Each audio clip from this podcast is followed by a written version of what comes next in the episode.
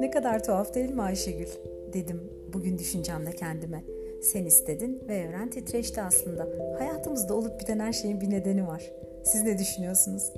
Kendime şöyle köpüklü bir kahve yaptım. Sanki hafiften baharın değdiği çiçeklerime bakarak onlarla konuşup ferahlıkla içerken kahvemi üzerine bugün burada iletişimden bahsetmek geldi içimden. İnsanın hayatında önce anne ve babasıyla iletişiyor ya da itişiyor. Öyle düşünüyorum. Anne ve babanın iletişimleri ne kadar güçlüyse çocuk o kadar güçlü başlıyor hayata.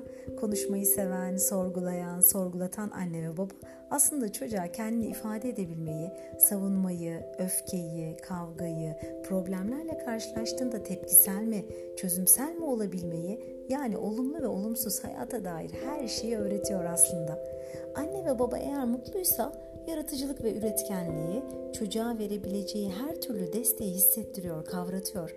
Öze bağlı birçok değere anne ve baba sahipse eğer evladına da bu öze ait çocuğun kendisini tanıması, ifade etmesinde en büyük etken. Bunun farkında bile olmayan anne ve babalarla büyüyenlerin ise işi bu süreçte hali zor. Farkındalıkla bakan anne ve baba ile farkındalığı olmayan anne ve babanın hayata yetiştirdiği, kattığı çocuk birey aynı değil ne yazık ki. Eğer okul hayatında anne ve babanın sunamadığı farkındalıkları olan öğretmenleri ve arkadaşlıklara sahipse yol alırken hayatının öz farkındalığı ile pozitif ve katkı alan, katkı sağlayan bir yapıda oluşumunu devam ettiriyor. Bununla birlikte ailesini de bu farkındalıklarla besliyor, gelişimlerine hizmet ediyor. Davranışta iletişim sizce nasıl olmalı? Zihinsel gelişimimizde iletişim ne kadar önemli? Psikolojik açıdan iletişim ne kadar önemli? Hastalıklarımızın temelinde iletişim ne kadar önemli? Ne dersiniz? Yorumlarda paylaşır, geri bildirimde bulunursanız çok sevinirim. Varoluşumuz bir iletişimle başlıyor. Anne ve babamız birbirini seviyor. Sevgiyle ya da tam tersi bir iletişim var oluyor aralarında. Doğmamıza sebep olan birçok birçok duygu yaşıyorlar. Doğmadan bu süreçte var oluyoruz aslında. Var olabilmek ve bu iletişimi yaşayabilmek için. Merak ediyorum. Siz de hiç bu şekilde düşündünüz mü? Anne karnında gelişim aşamasında anne ve babamızı, dış sesleri, annemizin fizyolojisinde ortaya çıkan dış tepkilerden oluşan etkileri birebir hissediyoruz şu an hatırlamasanız da. Bu sebeple kadın ve erkek insan olarak bu farkındalıkla çocuk yapmak bence çok çok önemli. Şu an hayatın içinde kimimiz erişkin halde aklı, ruhsal ve bedensel sağlığı, gücü kuvveti yerinde şekilde yaşarken iletişimin çok önemli olduğunun ne kadar farkındayız. Ailenizle nasıl iletişim kuruyorsunuz? İçinizde tuttuğunuz, geçmişe ait, sizi huzursuz eden bir şeyler var mı? İletişiminize olumsuz yansıyan. Peki nasıl iletişiminiz? Değiştirmeye çalışan, ben diyen, empati kurmayan bir şekilde mi? Eşinizle aranız nasıl?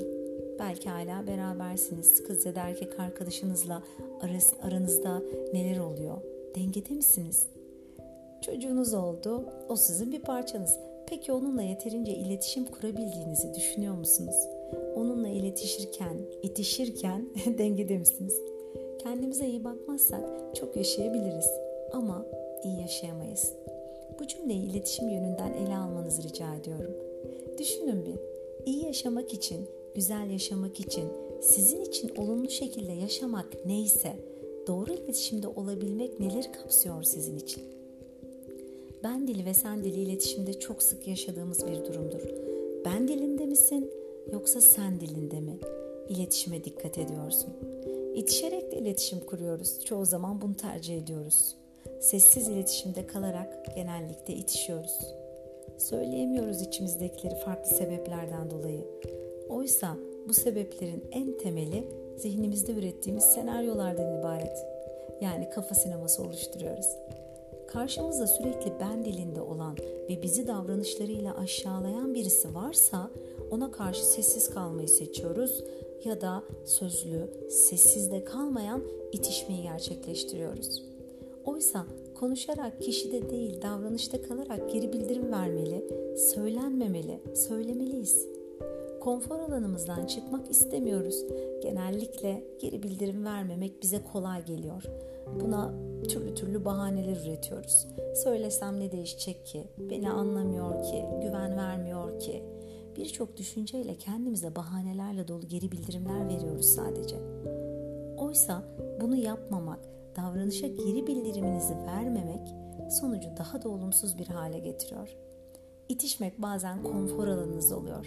Halbuki sizi üzüyor, kırıyor, değersiz hissettiriyor, incitiyor, birçok değerinizi sarsıyor. Buna izin veren sizsiniz. Ne dersiniz? Eğer zihninizde ürettiğiniz varsayımlarla hareket ediyor ve bu şekilde hareket eden insanlara izin veriyorsanız, sonuçları bizzat nasıl yaşadığınıza yön veren siz oluyorsunuz. Etki ve tepki kuralı. Etki alanınız nedir? Etkilerimiz, düşüncelerimiz, tepkilerimiz ise bilinçaltımızda yer alan kodlar aslında. Bir bakın derim. İtişmek ve iletişmek etki alanınızda nasıl bir yerde? 0-12 yaş çocukların nefes alışı çok iyi ve doğrudur. Eğer anne ve babadan yanlış nefes almayı kopyalıyorsa sonuçlar da farklı bir hale gelebiliyor. İlkokul ve ortaokuldaki nefes konusunda iletişimde beslenmek de çok çok önemli. Nefes ile nefes ve iletişim konusunda farkındalık oluşturmak da gerekiyor. Nefesinizi fark etmek, nefesinize odaklanmak, nasıl nefes almanız gerektiğini bilmek de bu anlamda aslına baktığınızda çok önemli. Bilinçli iletişmek ve bilinçli itişmek de öyle. Haydi biraz düşünün. Kendinizle baş başa içinize dönüp bir bakın. Siz nasıl iletişiyor ve itişiyorsunuz? Hepinize kucak dolusu sevgiler.